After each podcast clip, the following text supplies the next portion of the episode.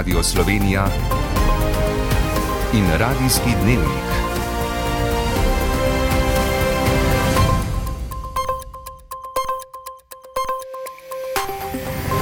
Ura je 18 in 30 minut.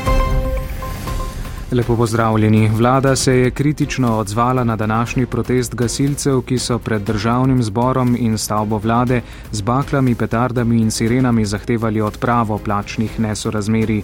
Ministrica za javno upravo Sanja Janovič-Hovnik je zatrdila, da pri gasilcih krivičnih nesorazmeri ni, ob tem pa dodala. To, čemer smo bili priča danes, niso ne pogajanja, ne ulica, to je v bistvu na nek način tudi izsiljevanje. Nezadovoljni so tudi v sindikatu vzgoje in izobraževanja, kjer menijo, da vlada njihovih stavkovnih zahtev ne jemlje resno in napovedujejo ustrajanje pri podpisu stavkovnega sporazuma. Stavka pa bo očitno v družbi Sava Turizem. Sindikat gostinstva in turizma zahteva odpravo prekarnega dela sobaric. Domnevni kitajski baloni tudi nad Tajvanom. Slovenski osnovnošolci z največjim spletnim kvizom na svetu v Guinnessovo knjigo rekordov. Jutri zmerno do pretežno oblačno več sonca na severu in vzhodu. Z vami sva Barbara Zupan in Blaž Pernat. Poklicni gasilci so na protestnem shodu pred vladno stavbo izrazili nezadovoljstvo zaradi nizkih plač in odnosa do gasilstva. Pričakujejo, da jim bo vlada prisluhnila glede odprave plačnih nesorazmeri. Vlada odgovarja, da so njihove zahteve neupravičene, čež da so glede na primerljive poklice ena od bolje plačanih skupin. Na neustrezen odnos vlade do šolstva in šolnikov pa so opozorili v sindikatu vzgoje in izobraževanja in znanosti. Po devetih mesecih nimajo niti proti predloga vlade glede stavkovnih zahtev, pri katerih nameravajo ustrajati. Dogajanje povzema Nataša Mulec. Poklicni gasilci so s protestom vladajočim sporočili, da imajo dovolj čakanja na pošteno vrednotenje dela, ki ga upravljajo ko se nas na nek način potrebuje, oziroma predvsem ob elementarnih nesrečah, pa to je stehani gasilec deležen poln, polno obljub ne, o tem, kako se mu bo tudi status izboljšal, popravil, kako si bom rekel tudi zasluži bistveno boljši, primernejši status, ko te zadeve pač minejo, eh, se enostavno pač na to pozabi. Prvi sindikalist poklicnih gasilcev David Švarc pravi, da je nespremljivo, da je vlada nekaterim skupinam dodatke že uredila, zahteve gasilcev po odpravi plačnih nesorazmeri pa preslišala oziroma prestavila na obdobje od 1. januarja leta 2024 do sredine 2026, kot je to predvideno v reformi plač javnih uslužbencev. In kaj ta prinaša gasilcem? 192 evrov naj bi bili nad minimalno plačo toliko naj bi dobili gasilci.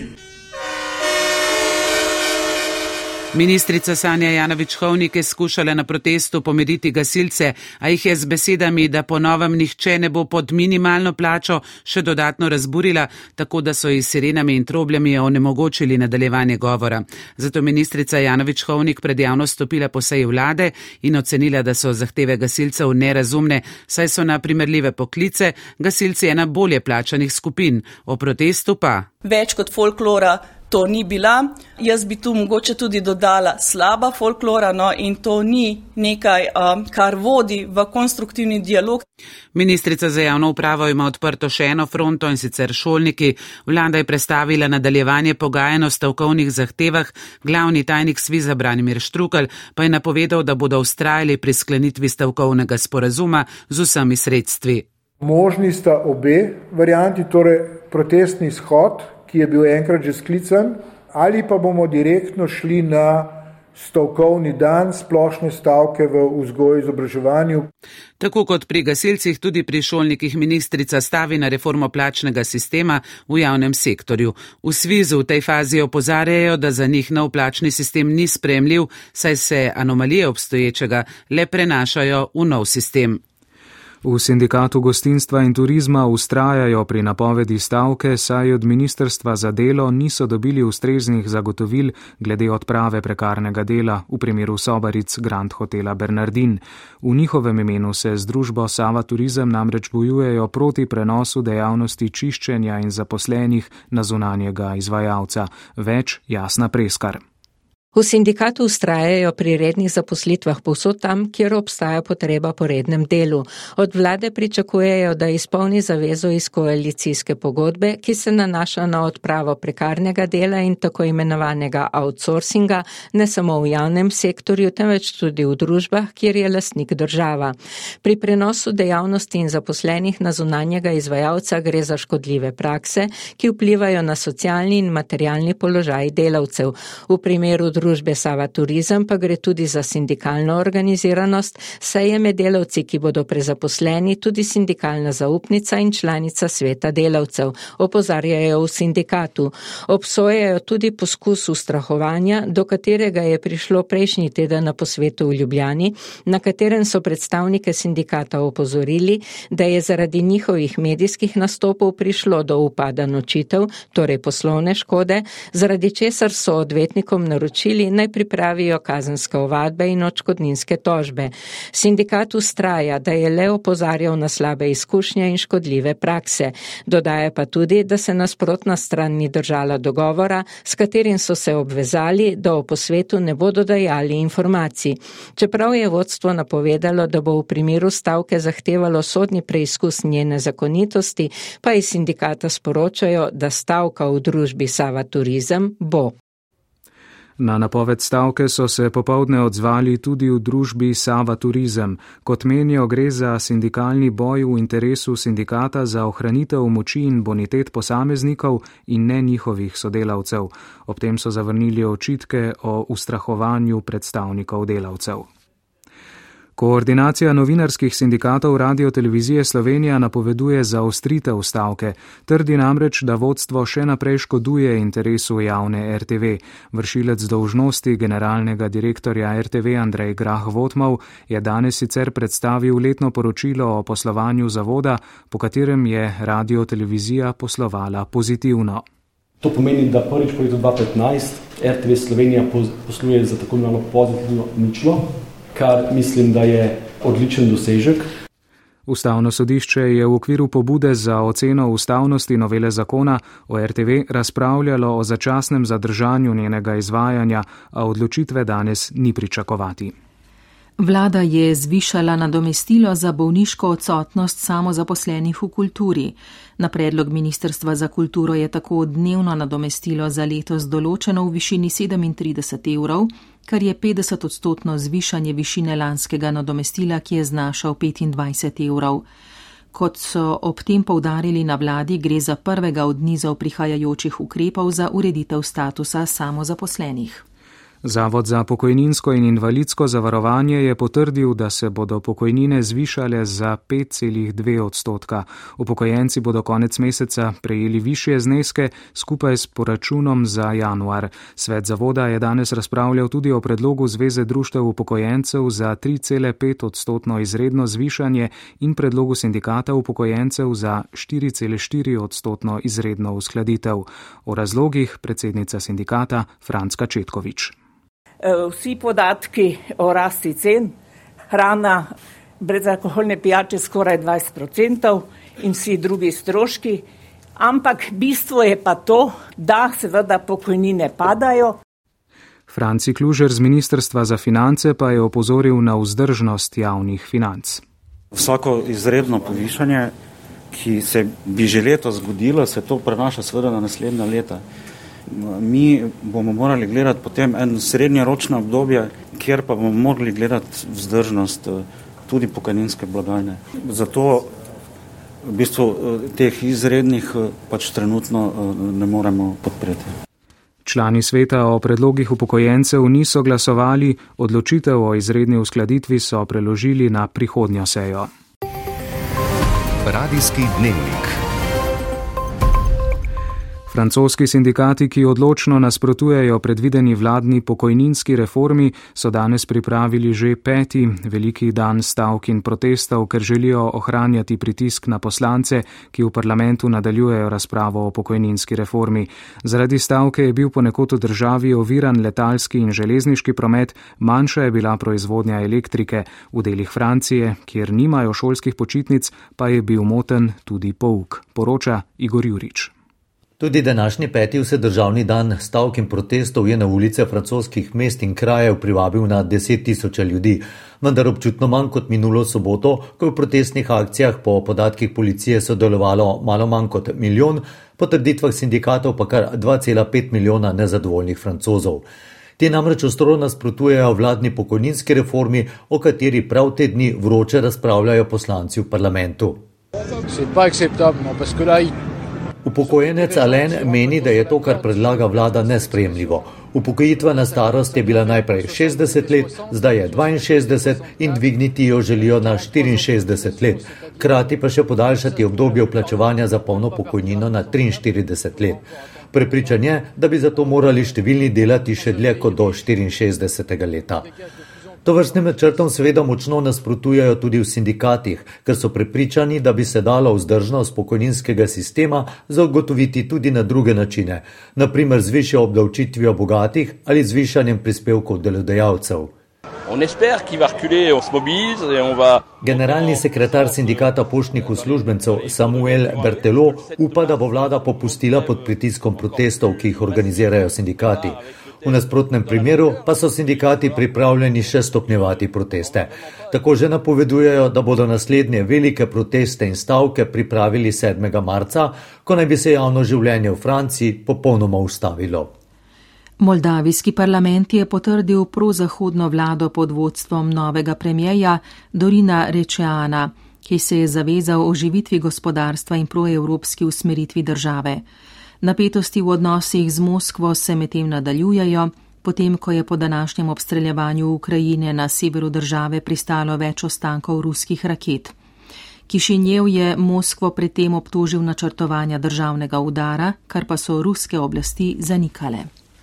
Belorusija bi se skupaj z ruskimi silami bojevala v Ukrajini, če bi bila napadena, je na redkem srečanju s tujimi novinarji v Minsku dejal beloruski voditelj Aleksandr Lukašenko. Po mnenju številnih analitikov Kremelj sicer pritiska na Lukašenka naj ukaže svoje vojski, da se pridruži ofenzivi. Belorusija je zaledno oporišče ruske ofenzive v Ukrajini, ruski vojaki in oprema so tam še vedno nameščeni. Z Tajvana sporočajo, da so na oddaljenem otoku v bližini kitajske meje odkrili ostanke balona, ki je najverjetneje strmoglavil. Gre za podoben balon, kakršnega so v Združenih državah pred slabima dvema tednoma sestrelili. Ameriška mornarica je po pregledu ostankov balona sporočila, da so našli pomembne dele, med njimi senzor in dele elektronike.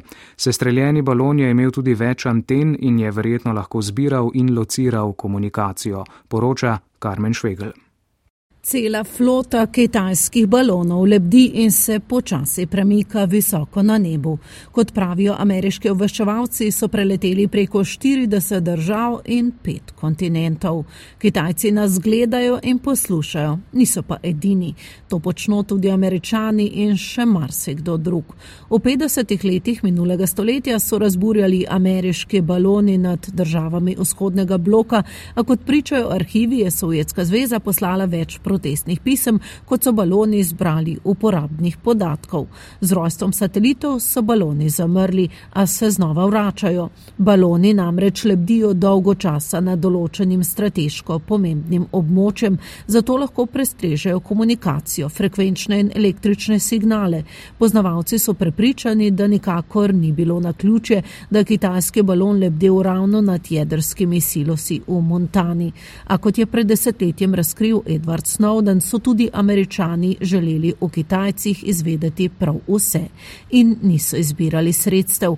Odrli so v omrežje telekomunikacijskega podjetja Huawei, sledili gibanju kitajskih voditeljev in celotnih vojaških enot, predvsem tistih, ki so bile zadolžene za premikanje jedrskega orožja. Kitajci se tako z izgovori niso prav dosti trudili. Med vrsticami so dali vedeti, počnemo to, kar počnejo vsi. Ostanki balona, ki so ga danes odkrili na Tajvanu, tako niso nikogar presenetili. Čeprav Tajvanci vedo, da jih Kitajci gledajo in poslušajo, se skupaj z veliko sosedo pretvarjajo, da jih vremenski baloni prav nič ne skrbijo. Bojijo se namreč, da bi s kakršnim koli protestom lahko uspodbudili kitajsko agresijo na Tajvan. Slovenski osnovnošolci so se upisali v Guinnessovo knjigo rekordov. V sklopu projekta Spletne brihte so se preizkusili v poznavanju varne rabe interneta in presegli rekord za največji spletni kviz na svetu, ki so ga pred nekaj leti s 7000 sodelujočimi postavili v Veliki Britaniji. Pri nas je sodelovalo 200 osnovnih šol, 26 iz Podravja. Sara Zmrzlak je bila na Mariborski osnovni šoli Janka Padežnika. Tri kriterije so morali izpolniti za upis v Guinnessovo knjigo rekordov. Kvis je moral trajati neprekinjeno uro z edinstvenimi uporabniki, ki so morali odgovoriti na vsa vprašanja. Predsednik uprave A1 Dejan Turk. Več kot 20 tisoč otrok je sodelovalo in več kot 15 tisoč je uspešno zaključilo kvis, tako da smo v bistvu podrli ta rekord in smo zelo, zelo zadovoljni. Upam, da marsikdo bo nekoliko bolj varen na internetu in upam, da bodo tudi uh, naučili svoje starše nekaj o varni uporabi interneta, ker danes v času interneta otroci učijo starše, ne pa več starše otroke. Projekt, ki sta ga koordinirala Zavod Varni na internetu in družba A1, je prekinil pedagoški proces in za dve uri pred pametne naprave združil učence od četrtega razreda naprej. Tudi mlade iz osnovne šole Janka Padežnika razlaga ravnateljica Sonja Filipič. Približno 300 učencev na naši šoli, skupaj nas je 480, eh, tako da ja, z veseljem so pristopili. Organizatori so pozornost vzdrževali spletnim posnetkom, ki je bil skupen vsem šolam, veselje, predvsem pri najmlajših udeležencih, pa je bilo mogoče slišati tudi zunaj učilnice. Da sem jaz del tega, mi je zelo tudi všeč. Več v spletu sem eh, spoznal, pač pa to mi je bolj zanimivo tudi. Zato, ker sem se ful nekaj novega naučila. V nekaj dneh bo znano, katere tri šole so si znanjem in hitrimi odgovori prislužile nagrado v skupni vrednosti 10 tisoč evrov za nakup računalniške opreme. Potem, ko je dopoledne potres z magnitudo 4,8 stresel hrvaški otok Krk, so popoldne v bližini Tolmina seizmografi zaznali potresa magnitude 2,1 in 2,4. Po prvih podatkih so jo čutili posamezni prebivalci okoliških krajev. V nadaljevanju prisluhnite še pregledu športnega dogajanja, tadej Pogačar še naprej dosega uspehe na španskih cestah, košarkari pa doma igrajo za pokalno lovoriko. Več, Dare Rupar. Preživite prijeten večer.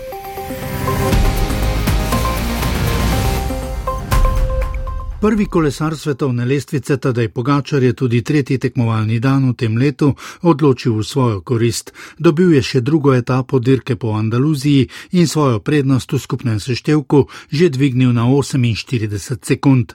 Danes je bil med zasledovalci najbolj ustrajen domačin Enrik Mas, skupno pa je prvi zasledovalec tadeja Pogačarja, kolumbijec Santiago Butrago. Selimo se na sneg, kjer športnega dogajanja ne zmanjka. Najprej zavijamo na biatlonsko svetovno prvenstvo v Obrhov, kjer je preizkušnjo mešanih dvojic spremljal Aljaš Golčer. Jako Fak in Polona Klemenčič sta danes poskrbela za najboljšo slovensko uvrstitev na prvenstvu doslej. Oba sta dobro držala stik z najboljšimi, na koncu sta zaostala praktično le za biatlonskimi vele silami. Jako Fak, ki je po zdravstvenih težavah več nastopov izpustil, je danes prikazal izvrstno predstavo. Mislim, da s Polono na koncu dneva moramo biti zadovoljna. Od prejšnjega nastopa, ki so ga imela na pokluki, so se premaknila sedem mest naprej, kar je zelo spodbudno in uh, upam, da na naslednjem svetovnem prvenstvu bomo v igri za še kaj več.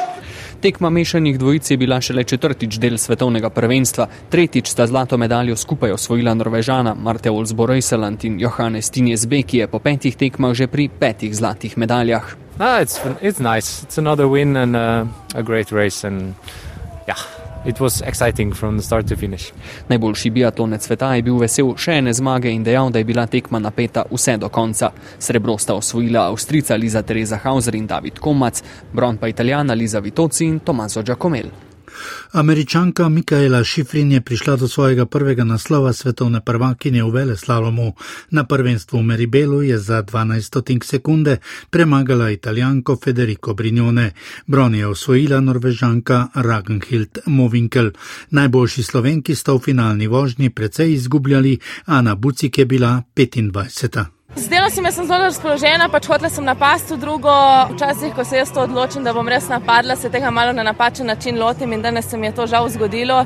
Pol zelo hitra napaka, ker se mi je zdelo, da jo moram nekako prinesti noter in tako bom rekla, ena serija napačnih vzorcev smučanja se je zgodila in zato to tako zastane kot drugo. Neja Dvornik je bila dve mesti slabša, jutri bo v Veleslalomu nastopil tudi olimpijski podprvak Žan Kranjec, Štefan Hadalin pa je zaradi zdravstvenih težav tekmovanje že končal. Vseh šest slovenskih smučarskih skakalk bo nastopilo na jutrišnji tekmi svetovnega pokala v Rišnovu v Romuniji. Ema Klinec je bila v kvalifikacijah četrta. Maribor pa danes in jutri gosti zaključni turnir slovenskega pokala v košarki, ki ga spremlja Franci Paušer. Prva polfinalna tekma med početrtkom in Heliosom, domžalčani upravičujejo vlogo favorita in imajo 7 minut in pol pred koncem 11 točk prednosti. Sicer dokaj izenačeno srečanje, v prvi četrtini moštvi sta se še izmenjavali v vodstvu, potem je Helios nekajkrat pobegnil do 11 točk razlike, vendar so se košarkari početrtka približali v tretji četrtini. Težave početrtka tudi ob četrti osebni napaki enega nosilcev igre Sandija Čebularja, no in takrat je unovič Helios pobegnil do večje razlike. Ta hip je 9 točk prednosti Heliosa v moštvu po četrtka, v spredju kapetan Najstrnat, 13 njegovih točk, 10 Švigel, 8 Moratovič, medtem ko pri Heliosu v spredju reprezentant Mahkovic 19 točk, Američan Ljuk 15 in Buljevič 14. Ta hip 9 točk prednosti Heliosa proti početrtku, velik uspeh za početrtek že uvrstitev na ta turnir, medtem ko je Helios že petkrat igral v finalu slovenskega košarkarskega pokala. Ob 20. uri se bo začel drugi polfinale med Olimpijo in Šenčurjem. Dodajmo le še, da bo pestro tudi na nogometnih igriščih, saj nas čaka kar 16 tekem nadaljevanja v Ligi Evropa in v konferenčni ligi. Osrednja tekma je Barcelona-Manchester United. Poslušali ste radijski dnevnik urednica Špila Bratina, voditelj Blaž Bernat, napovedovalka Barbara Zupan, tonski mojster Peter Lebar.